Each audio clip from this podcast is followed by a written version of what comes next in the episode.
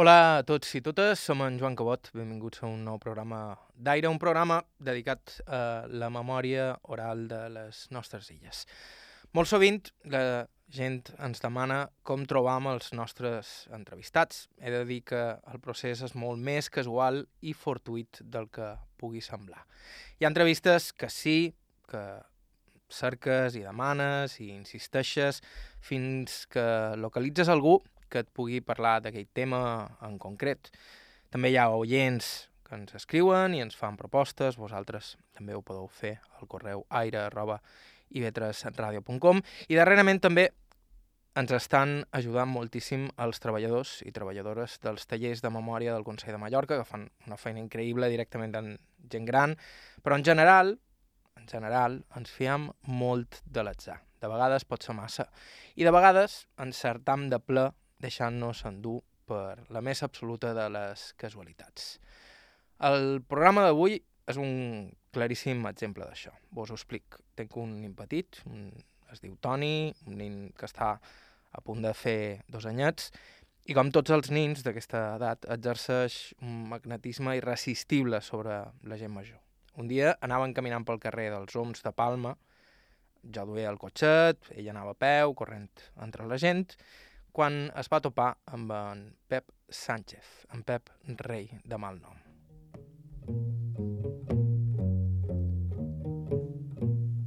En Pep és una d'aquestes persones que es posen a xerrar i ja no l'atures.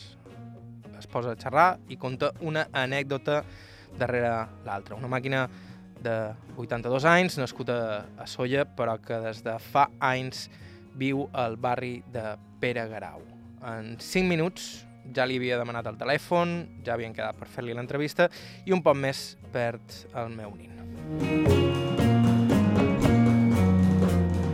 Dies després ens vàrem tornar a trobar a la plaça Pere Garau, al carrer eh, el vaig conèixer i al carrer el vaig entrevistar. Ell, en Pep, havia entès que era de la tele, així que duia una baldufa per mostrar-me com jugaven de petits. La fa ballar enmig mateix de, de la plaça i just en aquell moment passa per allà un dels seus veïnats. Cuando tenía cuatro años o cinco jugaba. Pues esa tiene más de 40 años. Esta, madre mía, Eh, 40 años. Más. Yo tengo muchas más. ¿Has visto? No. ¿Has visto? Pesa, ¿eh? Eh, el de encina. Pincho de C.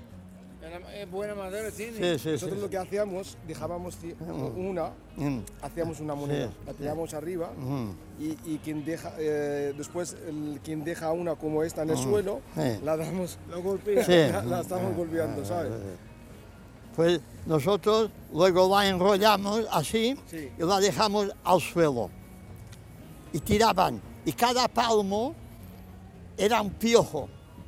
Cogían y te pegaban Ah, sí. un piojo. Cada sí, sí. palmo.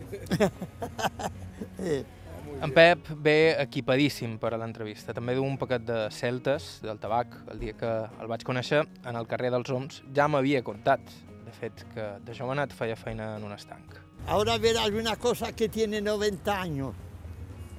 ¿90 Ya, años? ya tiene 90 años. ¿Eso? ¿Eso qué es? Sí. Tabaco. Estabas celtas, Tabaco de. ¿Qué dices? 90 años. 90 años, sí. Porque yo lo vendía cuando era como esa niña, que yo nací en un estanco. ¿Cuántos años tienes ahora? Voy a cumplir 82. Mi vecino este.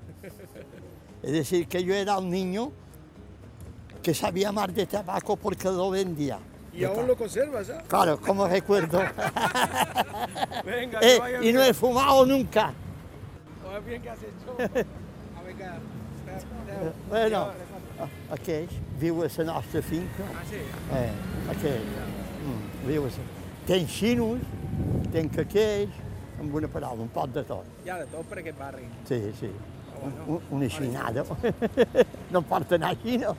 I es va al barri de Pere Grau de Palma és el més multicultural de la ciutat. Com heu pogut escoltar, en Pep no atura. De fet, Uh, M'adu 10 minuts aconseguir començar amb l'entrevista. I al final ho aconseguesc.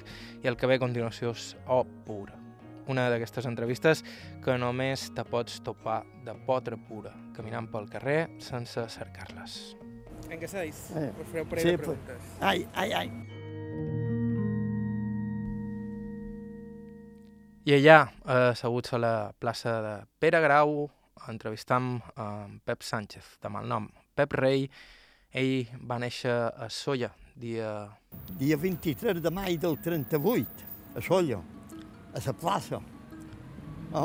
I era el lot més conegut de, de, de Solla, perquè nosaltres eren rei antes que el rei. Jo tenc la mateixa edat d'en Juan Carlos, ell va néixer per gener, jo per maig. És dir que feim els anys el mateix any. El que ell era rei de llavors, jo rei d'Apolo, perquè tota la família era reina Margalida Can Rei i mon pare era murciano. Va venir de, de Múrcia l'any el 24 del segle passat. Eh? Llavors va conèixer ma mare, se va casar i li donen Juan de l'agència perquè el meu conco tenia l'agència rei, que ara ho du un fill seu, que és el meu cosí. Eh? I mon pare, en Juan de l'agència, en Juan, en Juan, com que era foraster, jo me donen Joan Petit. Jo, de, jo no en Pep, no en Joan. I vos deien en Joan Petit. Sí, perquè, claro, tenen darrere en Juan, en Juan, però això sí, són cinc germans. I mai m'ho va dir que havien de parlar a foraster. No, no, en mallorquín, han nacido en Mallorca ¿no? y tienen que hablar. Los entiendo, y si no los entiendo, hago de entenderlo. Sí, sí, sí, sí, ho tenia ben clar. En Pep era el segon de cinc germans. Son pare s'havia instal·lat a Mallorca amb d'haver uns 24 anys, just acabat el servei militar. i vivíem a Sant Puigcerant en esport, a una finca de, de tarongers, i vivia dins un porxet sense res, ni llum, ni aigua, ni res. Llavors va començar a conèixer gent i se va fer contrabandista. I se va fer superfamós, però quan se va casar no va voler saber res pur de contrabando. No te creguis, agafar un fardo de tabac a les puntes, si coneixes les puntes, a la Torre Picada, i en la nit travessar tota la muntanya i dur per a l'heroi Lloseta. No, no tothom servia en la nit. Eh, I no anàvem pel camí normal del barranc perquè hi havia la parella, hi havia la brigadilla i no tiraven a l'aire, que tiraven a ferit. Entens? Allò. Llavors, quan arribava a Solla, a la millor a les 5 de matí, dormia dues hores i acabava tot el dia. Te va bé. En Juan Sánchez, son pare d'en Pep, va traginar contraband durant uns anys, fins que es va casar amb la mare d'en Pep, un tros de pa de dona, que era modista i tenia un conco que es dedicava al transport de gènere, però aquest cop gènere legal. Ell quan era fredí, que apenas el coneixien.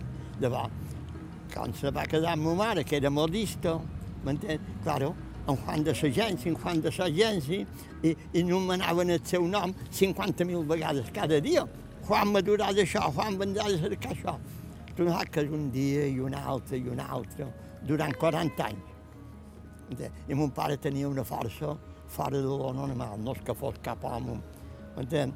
I, i s'havia de carregar un cantarano, no li llevava el caixón, plen de roba, ¿dónde lo quiere? El segundo piso. I, i fa 140, 160 quilos, jo pujava. I, I quan havien de traginar els porcs, en aquest temps mataven molt de porcs, i anaven a cercar-lo en el corral. I mon pare anava en el carro, perquè a peu aquell animalet estava una hora. I mon pare a les 5 de matí venien amb un fred que feia i anaven cor de camí. Allò. Juan podien venir perquè... Vale, voy. I un dia venen i... Juan, Juan, hauries de venir. Què passa? No és que tenim el porc que no hi ha manera d'agafar-lo com per posar-lo damunt la taula. Diu, mos dona barram. Me cago en Judat del lot. Sempre de me cago en Judat, no de batuet. De me cago en Judat del lot, per ahir mentida. Jo m'aixecava i... Tu d'on vaig? Jo anava perquè sabia que hi havia ensaïmat en xocolata, saps? Anava. Per tal, i arribàvem allà i era un bitxo, tu. Bé, mort va fer de bèstia 110 quilos la bèstia.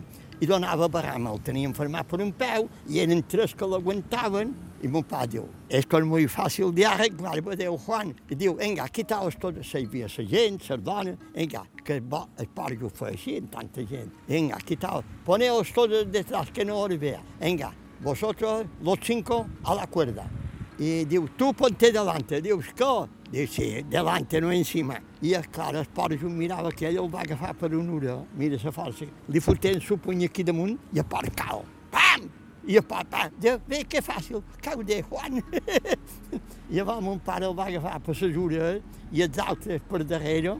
Vinga, ja, a damunt la taula. Llavors havien de fermar, diu, no importa, el va agafar així per peu de davant i per peu de darrere, mete-li el cuchillo, ni el va bategar, va dir en Juan. Ara, era pacífic al 100%, era un home.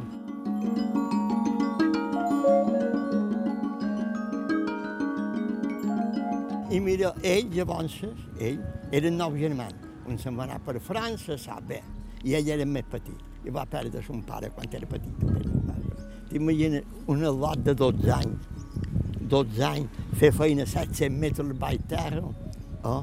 a una mina de carbó, i sa mare li dava una cabeça d'all torrats i un moniato bullit per dinar i berenar. I ell, mira la força que havia tenint 12 anys, que aquest vagó que veus a la pel·lícula d'en Antonio Molina, aquell vagó, 700 quilos, i doncs ell els passejava per amunt i per avall tot el dia, ell tot sol, ell tot solet. I un dia, quan era allà, se ficaren set o vuit dins l'ascensor, set o vuit homes, i van dir, tu subiràs la pròxima, vol, quan no tarda morir no te mor, perquè tu subiràs. Cago en deni, quan l'ascensor va a mitjan lloc de més 300 metres, se va rompre el cable i tot li caigueren morts en el peu. I quan va poder sortir, va dir, no vaig més a la mina. Llavors se'n va anar a una finca a guardar cabreta, que era analfabet el poble. I llavors va fer servici a cavalleria, llavors va venir solla, ja m'ha dit, i llavors ell, perquè veies tu, va dur dos germans a Inca, els hi va ajudar que venguessin, i una palma que vivia a la soledat, que era el meu predit. I em feia de feina, Déu meu. Començava a les 8 de matí i acabava les 9 de vespre, en Socago. El meu conco li deien Antoni Rei, i com aquell que diu, era l'amo del tren, perquè havia, el tren duia mercancia, no hi havia camió. Oh? I, I tota la mercancia que duen a Solla i sortia de Solla, tota la dues tren. I el vagó, mon pare amb un guix, rei, rei, rei, un R, que significava rei, i tot quedaven oberts, sense pany de maleta. Podien posar plen de tota la roba de les fàbriques, eh? tot, bé, tot, tot el que te podies imaginar, i, i, i no tancava ni ningú tocava res. Mon pare deixava el carro a davant sabre de la plaça davant ca nostra, perquè eh, carregat de mercancia de tothom, i, i ningú, li, ningú la cotxeria oberta tot el dia, i ningú tocava res. I carregar, anava a les fàbriques i fardos de 120 quilos, oh, els agafava d'enterra, de fotia dins de casa. El bocoi de vi, a Can Mora, en aquesta lluna, hi havia una botiga antiga de vins, aquest bocoi que vol. I, i, i feien 700 quilos plen. I teníem un carro duia unes cadenes per traginar-los.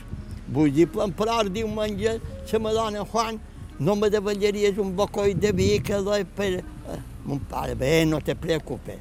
I no anava a enganxar el carro, s'anava a l'estació, mira que l'estació de ball. I diumenge estava així de gent per la plaça, oh? i davallava el bocoi redolant. S'hi posava davant, tothom de mira en Juan, mira en Juan. Fan 700 quilos.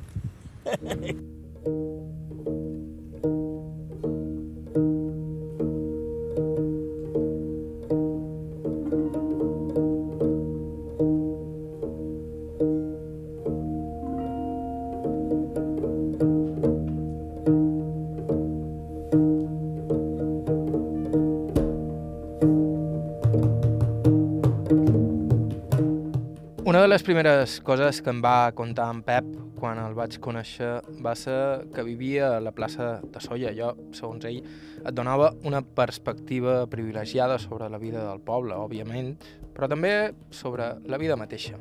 Cada setmana assisties al cicle complet i miraculós, batiaments, bodes i funerals. Una plaça en aquell entonces era un privilegi. Jo tenia la iglesia davant, ver batit el bateig. les primeres comunions. No? I va les bodes, però també els morts, perquè llavors duen, duen ombra. La mort estava allà. I jo tenia d'haver de set anys i ma mare me diu, has d'anar a l'enterro, perquè aquest home era molt amic de ton pare, però jo que sabia que era mort. Ni idea. I me'n vaig a la iglesia de Solla Gran, estava així de gent, perquè en Roia no sap què fer. S'anava pel cafè, qui vol anar a consolar, qui vol anar a consolar pel cafè. I la gent hi anava, com que quasi tothom se coneixia. Entenem? Jo me'n vaig, me poso mi dels homes, i en mort estava present allà, destapat. No era bon el lot, però havia d'anar viu. Bé, me vaig enterar de tots els defectes que tenia en mal. El segon pic, me torno al cap de 15 dies bé, has d'anar a consolar per això. Me torno, i tres quarts de part de la mateix, dic, ho sentiu l'amo? Me diu que em passar per davant el mar, eh, i miré ben de vora, li contaré tot el que m'heu contat.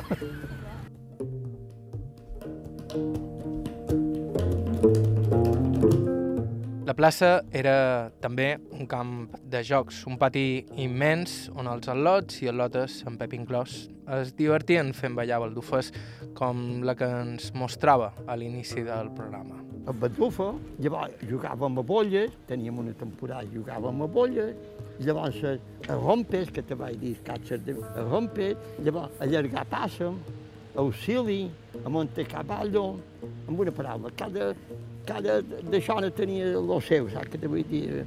Un mes una cosa, un mes l'altra, i tenien 14 i 15 anys jugàvem i tot fèiem feina. Ah, I cada migdia, perquè veia, els homes per anar a fer feina se reunien a la plaça. Eh? Llavors, quan faltaven cinc, segons on feien feina, tu cap a l'empresa. I cada migdia a la plaça hi havia eh, que jugaven a futbol, amb una piloteta així vermella i verda, que valia de quatre pessetes, però que vull dir, eren quatre pessetes, i, i feien un partit de futbol. I n'hi havia qualcun d'aquest que va arribar a jugar amb el Soller, el subjuvenil, perquè van sortir, hombre, dins el que cabe, m'entén?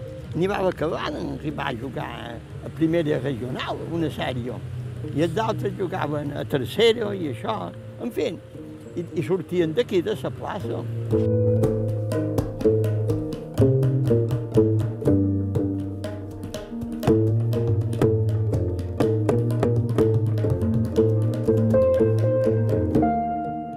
Pep, però, se li donava millor el joc que no l'escola. Ell mateix t'ho diu claríssim, tot i que son pare havia fet tot el possible perquè estudiés. Ja veu que mon pare era foraster, era carreter, i jo puc presumir la meva germana que anàvem a escola amb tots els fills de capitalistes de Solla, dels senyors, perquè el Fossaret era, no pagaven, era gran. Però mon pare, per més fer, jo anava al convent i venien els fills dels metges, els fills dels capitalistes, i claro, tot venien jo, a l'escola tot era un, i, i a Sermanya també, quan era petit. Eh? Jo anava al convent, i, i quan hi pen, mon pare anava a les escolàpies. I deien, Juan, tens les nines més intel·ligents de la classe. Anaven al convent, i el pare pensar que era eh, el director. Eh? Don Juan, el teu don no sé què seran en la gran, però és que no n'hi entra ni un, no. Mon pare de... Me cago en Judas. Es l'único valor que tengo, perquè xerrava així, el único valor que tengo me ha salido más burro que el caballo. I de vegades me feia estar juneat en allí quan me n'anàvem a dormir, en el llibre així, i tu que te creu que jo veia el llibre. Pobre home, jo quan que si jo hagués estat com la meva germana major, haguera demanat dos bé a qualsevol que n'hi haguessin deixat, perquè jo haguera tingut una carrera. En aquell entonces, les nines, a 12 anys els posaven per tetes. Però la meva germana no, totes anaven a escola fins a 16 anys. Claro, tu saps que a 16 anys tenia batxiller, comptabilitat i saber escriure màquina. Allò, eh?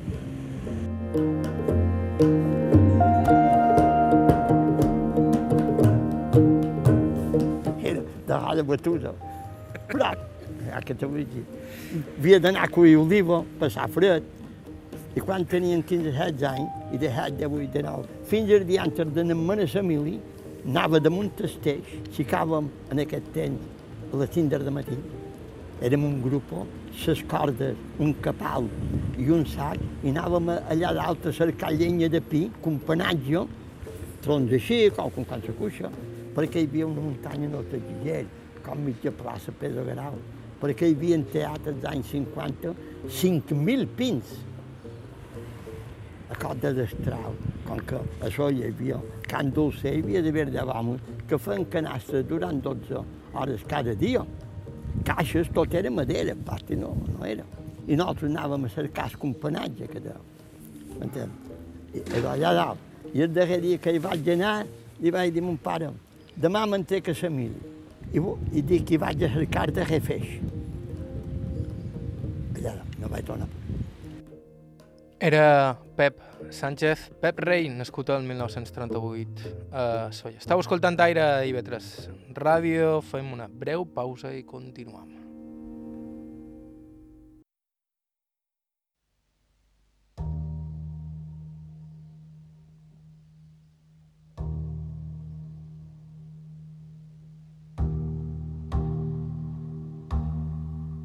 Hola de nou, això és Aire, a Ivetres Ràdio, vos parla Joan Cabot en el programa d'avui. Estem escoltant l'entrevista que li van fer a mig de la plaça Pere Garau a Pep Sánchez, Pep Rei, de mal nom, nascut a Solla el 1938. Un Pep Sánchez a qui havien conegut per casualitat uns dies abans pel carrer. Va ser el destí perquè en Pep és un pou d'anècdotes memorables. Aquesta és de quan era ben petit, que va estar molt, molt malalt, de fet, a punt de morir. Però, com ell diu... I quan no t'has de morir, no t'ha mort. Has sentit parlar de ser vermelleta?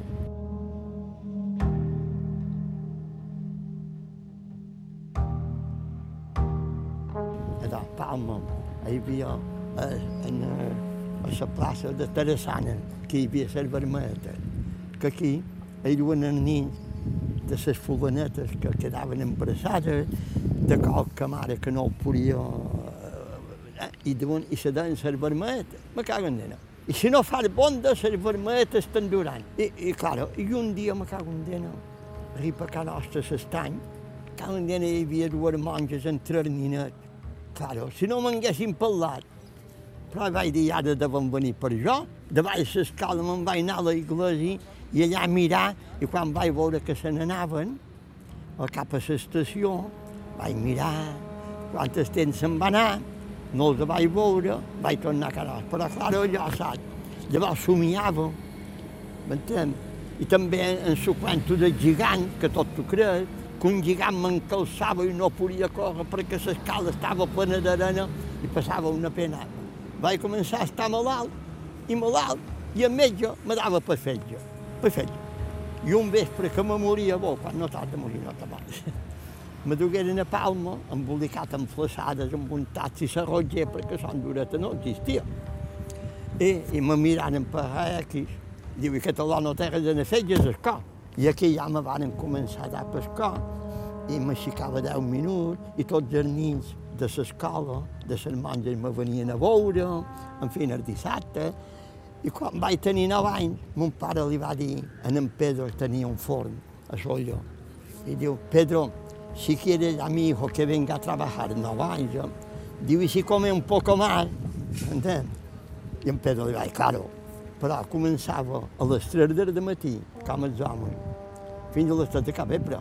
Això sí, m'anaven el cafè de replà, en 7 o 8 ensaïmades de croissant, amb un tassó de llet me'ls fotia per berenar. Llavors, al cap d'una hora, que com que es pot de més, de més melades eren de 5 quilos, una quadradeta d'aquí, un pot d'allà no se veia. Però això sí, la farina venia en segó, mesclat. Ah, que havia de fer jo a les 3 del matí. Llavors, tenia un, un llaurador, tornava en llaurador. Tenia un purgador així de gros, i tic, tic, tic, tic, tic, tic.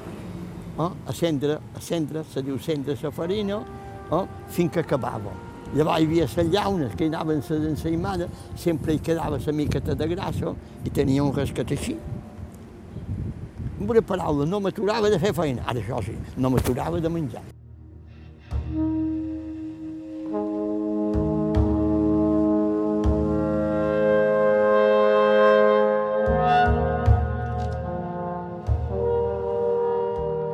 I la Madonna feia dos primers per jo i dos segons per jo, però la feina que feia. I llavors, si fos poco, a Fornalui no hi havia forn. I jo, siguent una dona 9 10 anys, amb una bicicleta de l'amo que apenas arribava al pedal, amb una canasta d'aquelles de madera, eh, hi havia de dues pa, les cocarradones, les briotxes, el panet, el que tenien comanat, havia de dur a Fornaluig. I fins en el filiato de Fornaluig, a mitjan lloc, allà, com que era camí de carro, allà ja venia a costa i ja havia d'empènyer la bicicleta fins en el forn. Te va bé.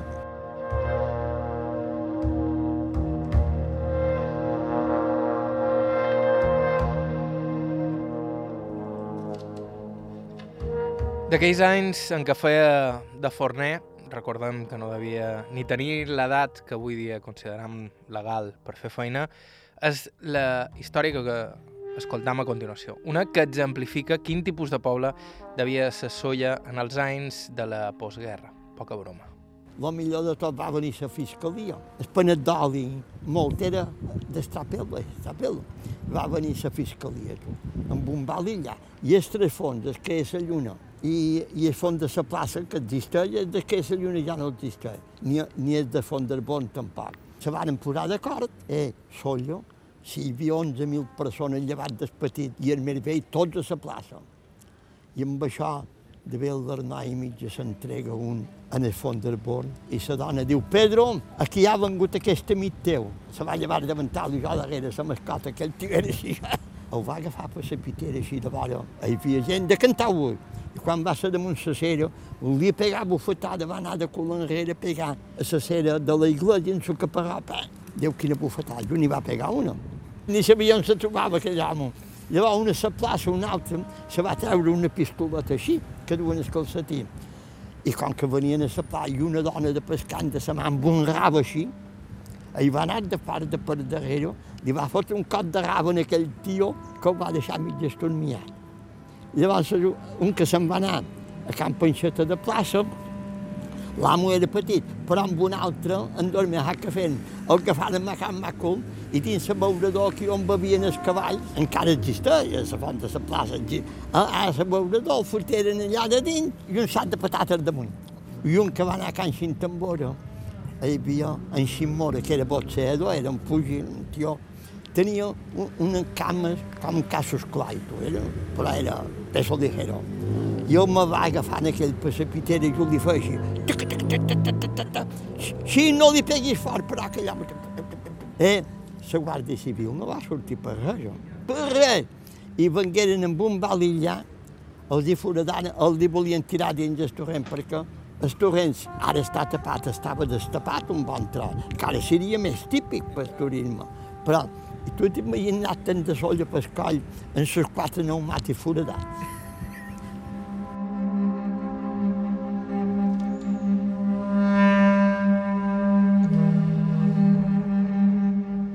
Res, i en Pedro de Fonderbon, per por de repressàlies i això, se'n va anar a Venezuela. I els altres quedaren degueren pagar una multa i ja així successivament. Ah, i el més va de tot, quan venia la fiscalia, no sap què feien.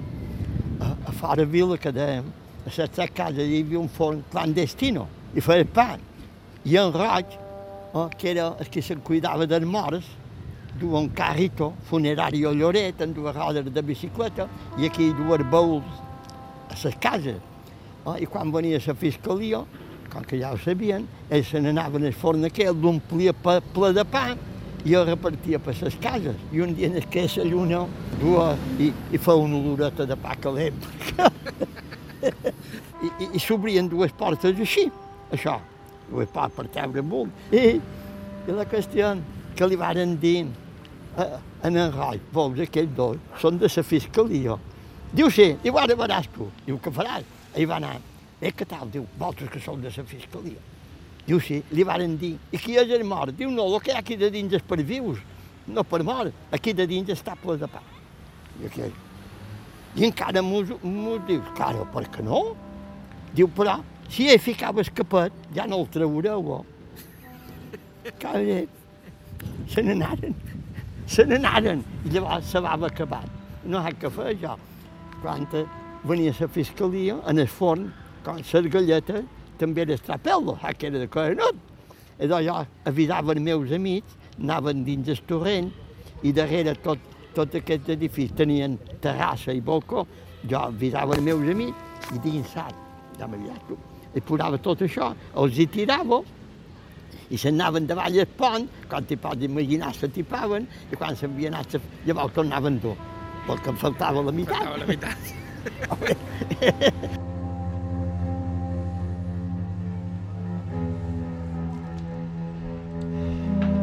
En Pep deixaria el perillós, semiclandestí i violentíssim món dels forns de postguerra per dedicar-se a una feina més mundana, fer de fuster.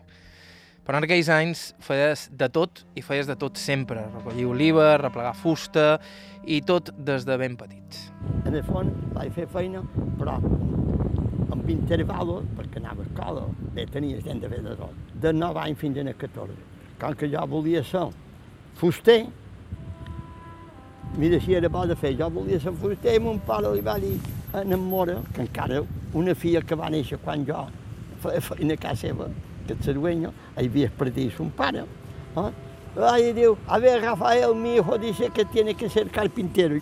I demà comences. Ja estava, un duro cada dia. I les hores d'accés a 75 cèntims. Claro, si feien dues hores cada dia, era una 50. I cada setmana tenia per anar al cine. I llavors els diumenges, eh, els diumenges, molt anaven a missa. Aquí hi ha el mirador de les barques, a Solla, anant, pujant en el punt major. I doncs, aquí hi ha una caseta mà dreta, que era d'un de Solla, i anàvem a peu allà dalt a cuir oliva, per un duro o sis pessetes. Però era un duro o sis pessetes. Perquè anaven a comprar en el mercat, eh, ma mare la primera, en dues pessetes, una de llibrador, de quatre bledes, eh, una col petitona, en fi, el que hi havia. Quan jo era al lot, els olivars, tots sols, estaven plens de família que cuien oliva les totes. No se'n perdia ni una, perquè el majoral venia darrere i si en deixaves una amb una vergueta per trasero, aquí n'hi ha una. Te va bé. I vareu anar alguna vegada? Bé, i més de, i més de, i més de cent, calla. Mira, si hi vaig anar, que la meva predina tenia. Coneixes el barranc? Tenia un olivar al barranc, un olivar petit, amb un porxet, en fi, una cisterneta. I jo, quan tenia 4 o 5 anys, ja hi anava a fer-li companyia i a cuir oliva. Llavors, en Marrois en tenia un altre, que ara era de la meva germana petita, i també ja hi anava. Mira si hi he anat a cuir oliva. Llavors anàvem a Car Bernat, a la Figuera. Anàvem a una finca i tots a les set havien de sacar l'amo per partir tots junts perquè a les vuit havien de ser puesto. I de vegades se fotia pobre i agafaves cada xop que se les traia. I si plovia i no cuien, no cobrava.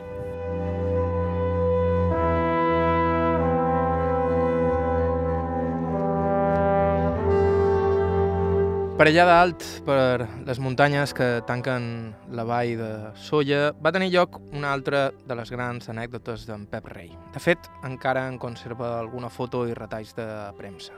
Ara veuràs aquesta foto, això, que és de quan jo tenia d'haver de set anys. No sé si saps què és això que tenim. Llegeix aquí, veuràs. A la imatge apareixen un grup d'adolescents a dalt d'una roca, entre ells en Pep, i entre uns quants d'aquests adolescents sostenen una estructura que em costa bastant identificar. És l'ala d'un avió. Em havia sentit parlar d'això. I doncs jo te diré què va passar amb aquest avió. Jo som que aquest d'aquí. Que, clar, les màquines, les màquines de retatar, no? Una hora baixa, de ver les vuit del vespre, mon pare me diu, vete a desenganxar el cavallo. Oh, jo vaig agafar el cau, vaig, i quan he de veure les monges escolàpies, veig tota la serra del Fabi.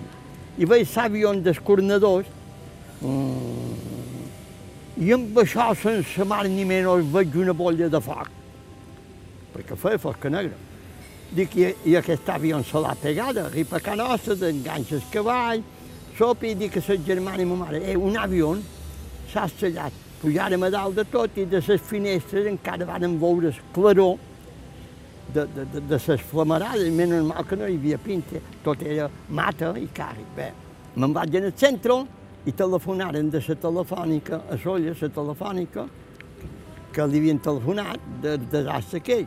I amb un amic meu, que tenia, devia tenir jo, de set anys, deu, a la una de la nit, m'on anàrem allà dalt, sense pila ni res, perquè eh, allà dalt. I quan se va fer de dia, varen veure el desastre, tota la gent, eh, eren set. Cinc a safata, el, el pilot, el comandant i, i l'ajudant de l'obra. Eren set persones. I eh, un cap per aquí, un braç per allà, tot carbonitzat, negre com el carbó, carbonitzat. I va pegar la casa telefònica darrere, allà com un pa de figa que deia, i va pegar en sal aquí. I, claro, hi havia, i menys normal que havia deixat de set persones a l'aeroport de Palma, i era el primer vol que feia a Mallorca. I com que havia carregat d'haver 17.000 litres de benzina, pues, claro, veieu l'explosió. I més normal que no hi havia vols. I a dos quilòmetres tot va quedar resat. I nosaltres hi vàrem ser els primers, i llavors va venir la Guàrdia Civil. Nosaltres ja fa dues hores que... I res, va venir la Guàrdia Civil, que allà. I llavors què va passar? Que, com que jo hi sabia, hem d'anar a veure l'avió.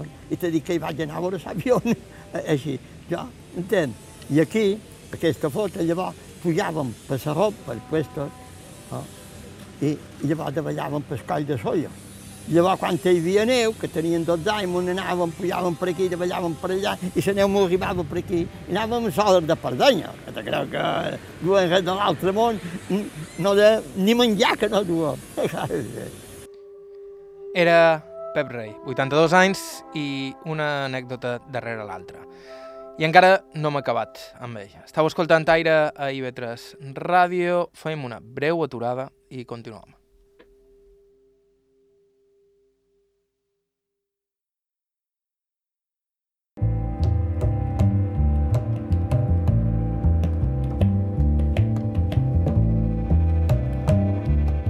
Hola de nou, això és IB3 Ràdio, estàu escoltant Aire, som en Joan Cabot, i aquest és en Pep Rei, 83 anys, nascut a Solla, Mallorca, i resident actualment al barri de Pere Garau, a Palma. Amb ell hem estat conversant de la seva infància, recordant una anècdota darrere l'altra, i no hem fet més que començar. Pues, és l'aeroport l'any 65. I això sou vos. I això són jo, això són jo. Quan vaig començar a fer d'això, fer de bo, que 1.500 coinos era millor per fer taxi. Anem per parts. Eh. Vau fer, primer, vau fer feina en el forn. Eh, Després vareu entrar de fuster. de fuster, llavors a fàbrica de teixits. Una fàbrica de teixit de roba, que això hi havia 14 fàbriques de teixit. I vaig fer feina a una fàbrica, set anys comptant els 18 mesos de mili. M'entén? Vaig anar a la mili, oh, i perquè veia si era intel·ligent que la mili, era del pelotón de los tontos. En sèrio. Però tothom me tenia en veia. No he pensat en dur la foto. Tinc una foto, no du a la Melena com ara, però du a més que veig jo, que tot, que, to, eh, que el docent de, que hi havia en el corte. Ah, sí? I això? Ah, això, home. jo vaig fer el servici automobilisme i hagué pogut anar a Marina Solla perquè el comandant Pardo, son pare d'en Joan Pardo, el cantante, estava a Solla i era molt amic de mon pare.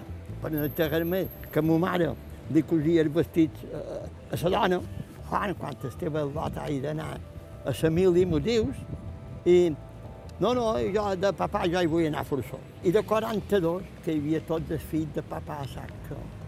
No? Un amic meu i jo pegàrem automòbil.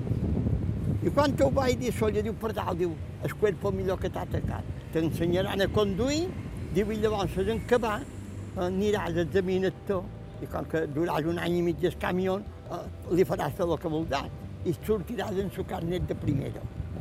Bueno, vaig a automòbil, allà, i quan fa d'haver un mes i mig que, que estava, un sergent me diu, estinem Pardo te demana. Usted ese permiso de todo.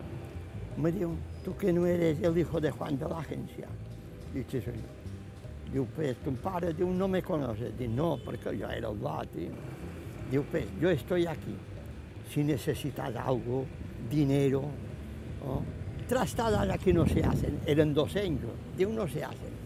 Diu, pero si necesitas dinero, tú vienes. Si te hacen algo, no dic, tú vienes a mí. ¿no? Molt bé. Ah, muy bien, gràcies. I llavors, quan vaig saber que la primera relació que havien de donar, 45 dies de permís, hi vaig anar. Dic, si és possible, juli, juliol i agost, perquè jo duia un negoci de fotografia, eh? i fe, anava pels hotels i, i era el que me dava més dos més en aquell entorn. Diu, no te preocupes, i era el primer de la llista. L'any 60, quan va venir en Franco Palma en el desfile, jo no hi vaig anar perquè era del pelotón de los tontos i no servia. en sèrio? I, però, ah, siguent del pelotón de los tontos, que era, hi havia Ferrer, en Guerrero i en Tendero, l'home més agressat d'aquest que havien patit fam per mi tota la vida, pobres, i no s'aguantaven dret, i no hi podien anar. I érem d'haver set o vuit, i el sergent me diu, Aló, tu que coneixes bé la carretera de allà, com que era ciclista, vaig ser ciclista també. Primer corria a peu, a 5.000 metres, amb en de Sant Joan, hi havia en Tortella, en Gomil, en Mascaró, tots aquests, però ja eren, però ells ja eren, tenien 7 o 8 anys, i jo començava. Diu, vinga, camió i cap a Vall de Mosso. La carretera bé, no sé si l'has coneguda, m'acaba de... Eh, i vam a Vall de Mosso, aparcant, diu, eh, feu el que vulgueu. Eh? Però a la una, aquí que hem d'anar a dinar, hi havia un fong que encara existeix, és una coca així que fa. Llavors, les nines brodaven i cosien, no anaven pel cafè, com ara. I anàvem, i anava tu. Anant que nina, i la madona no m'ha d'entretenir. Eh, eh, que jo sé brodar, perquè això és com mallorquí, oh. Això és un punt de xampli, això és boata, això és un trau, això és una tabella, que ho de nit. I tu com saps tot això? Jo li dic, perquè jo som aquest sastre del poble. Ho sabia perquè, coño, des que vaig néixer, ho tenia davant el nas. Ho sabia perquè les meves germanes posaven. Aquella tàctica li va servir de poc, tot s'ha de dir. Amb 26 anys, en Pep encara no s'havia casat, que per aquella època ja et donava gairebé per amortitzat. En Pep era un poc com la lletra del pare de Vall de Mossa, talment. No hi havia cap nina que me volgués. Mira si era famós. Cap al dota me volia. Quan m'hi aticava m'enlligaven. Eh? I, i, I quedaven tots els meus amics, tots aquests que veus aquí ja, eh, ja se casaren i jo quedava fredí. I teníem 26 anys, escolta'm bé, 26 anys, i tothom de... Eh, el teu fill ja no se casarà, i, i ma mare li deia, jo què vol que te digui? Eh? I tots quedaven tres. Un cosí del meu cunyat, un altre que ja han mort, tres. I varen decidir, mira, mostrarem la plaça en el centre, que són els homes, i la primera lota que passarà, hi anirem. Amb, amb això en ve una, el meu amic Tòfol hi va anar, bla, bla, bla, va xerrar d'haver 10 minuts, diu, m'ha dit que no li agradava, que hi havia un jove que hi va quedar fred. Bueno, llavors eh, em va passar un que, que, que en Joan, que és cosí del meu cunyat, hi va anar, va parlar amb ell, de Guillem, eh, i va dir, fiat, ha dit que no li agradava. Eh, I a Fredí. I quedava jo. I amb això, jo n'hi havia dues que m'agradaven. Amb això passar la dona, que era una nina, i anava amb una amiga, que sempre anaven els amics, saps què t'ho vull dir? Sempre un més que els altres, sempre ha estat.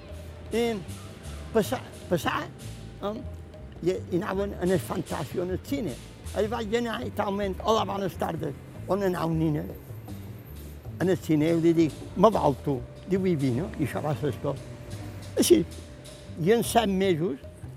La vaig veure set vegades, oh.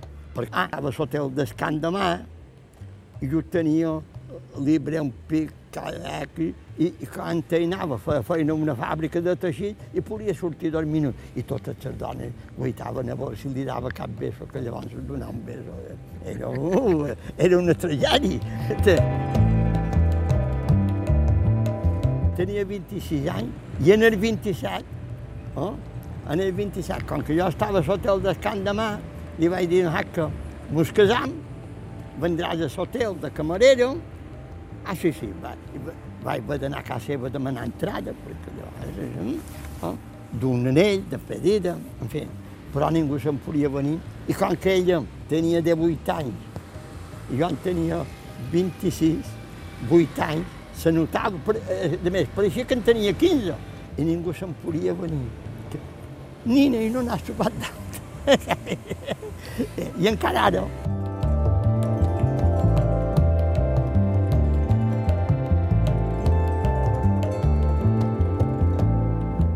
En Pep feia feina a l'hotel de Camp de Mà de xòfer, una feina que combinava amb la de paleta. D'alguna manera havies de passar l'hivern.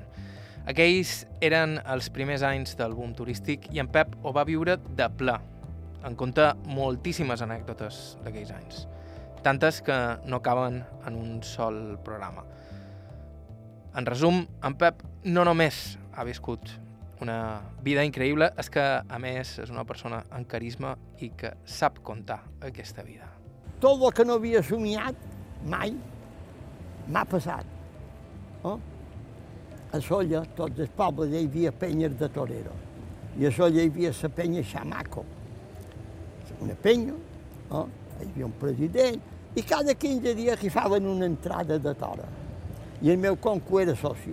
I un dia me diu, eh Pep, no puc anar a la novillada, llavors te diré qui era, diu, vols entrada? Bueno, llavors hi havia un tren a posta, s'anava estivat de turistes i gent de solla en el toro. S'aturava a l'altura de la plaça de toros, duia un banquet, i quan acabava la corrida, el tren tornava a estar allà. Me'n vaig el toro, que havia estat mai a Meseta a Torelló, que és aquí on surt el bau, no sé si ha estat mai dins d'una plaça de toro. I me va ser allà, hi havia en Caldos Corbacho, eh? en Paqueri, el germà del Paqueri aquest, eh? novillero, i el terremoto de Màlaga, una novillada. Eh? El torero, aquell comença aquí, allà, jo le eh, mata el bou d'una estocada i li donen dues orejas. I me cago d'ell. I hi havia homes i jo tenia de 27 anys. Casa, eh, va fet tan bé, jo li donen dues orejas. I, i me diuen, Eloi, que li ha de dir per dalt una cuixa i farà vist, eh? però les orelles que, que ha de fer brau. eh? I ell va a set orejas i rabo, me van dir, ara viu el millor. I aquí va començar la història de jo anant al toro. I mira, si va, si va arribar a ser un experto, no és per presumir, jo tinc més de 100 fotos en blanc i negre, del Lluís Miquel Dominguín, de Nordonyer, de tots aquests, que era l'època seva, eh? fet d'un fotògraf belga que estava aquí i enviava les fotos a Bèlgica, en Guardiola, que aquest dia no hi vaig anar perquè se va matar, va caure del cavall, i jo tenc la foto quan cau, no és, no és que es, vau agafar, se va dernucar i va morir allà mateix. Jo tenc aquesta foto. I tenc fotos més de 100, en blanc i negre, i me n'anava amb un àlbum a la plata ara, eh, i me'ls afirmava. Tenia l'avantatge que porta de quadrilles, aquí on surten les toreres, hi havia un empleat del meu conco que era jefe d'allà, per dalt. Eh, jo, una camió amb perfil, durat, un primàtic penjat, l'àlbum, ell aquí trapuros, a la camió. Oh? Jo estava així de gent, sobretot quan venia Ordonyer, vedeu, jo, eh, eh, me deixau passar. I m'obrien la porta i un puro per ell, un puro per secretari d'en Balanyà i un, i un puro per jefe de la policia que estava allà. Havia de quedar bé. Llavors, quan anàvem francesetes, els amandu allà i feien fotos i quedaven al·lucinades perquè se feien fotos amb els toreros i va arribar a ser un experto. Quan jo veia soja del lunes, la corrida que hi havia d'haver, jo de cada torero, les orejas que tenia, i a un amic meu li vaig guanyar 12 puros, 12 corrides. I quan volien anar als toros, la gent, molt, m'ha dit, Pep, una corrida bona. I jo de passarà això i això i això.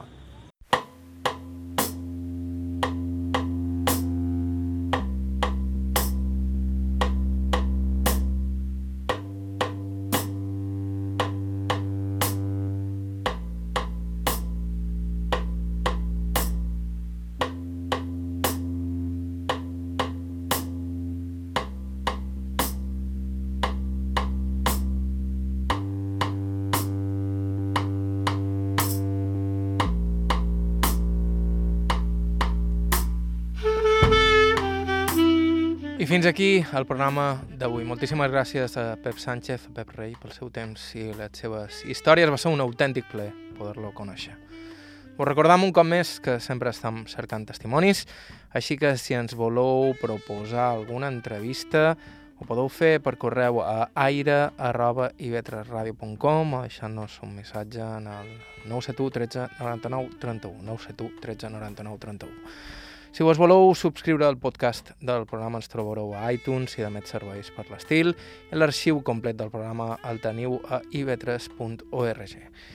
Si voleu veure imatges dels nostres entrevistats, fotografies relacionades amb aquest programa, ens podeu seguir a Facebook i Instagram. Bàrbara Ferrer a la producció executiva, Iker Hernández a la producció tècnica, vos ha parlat Joan Cabot. Fins la setmana que ve.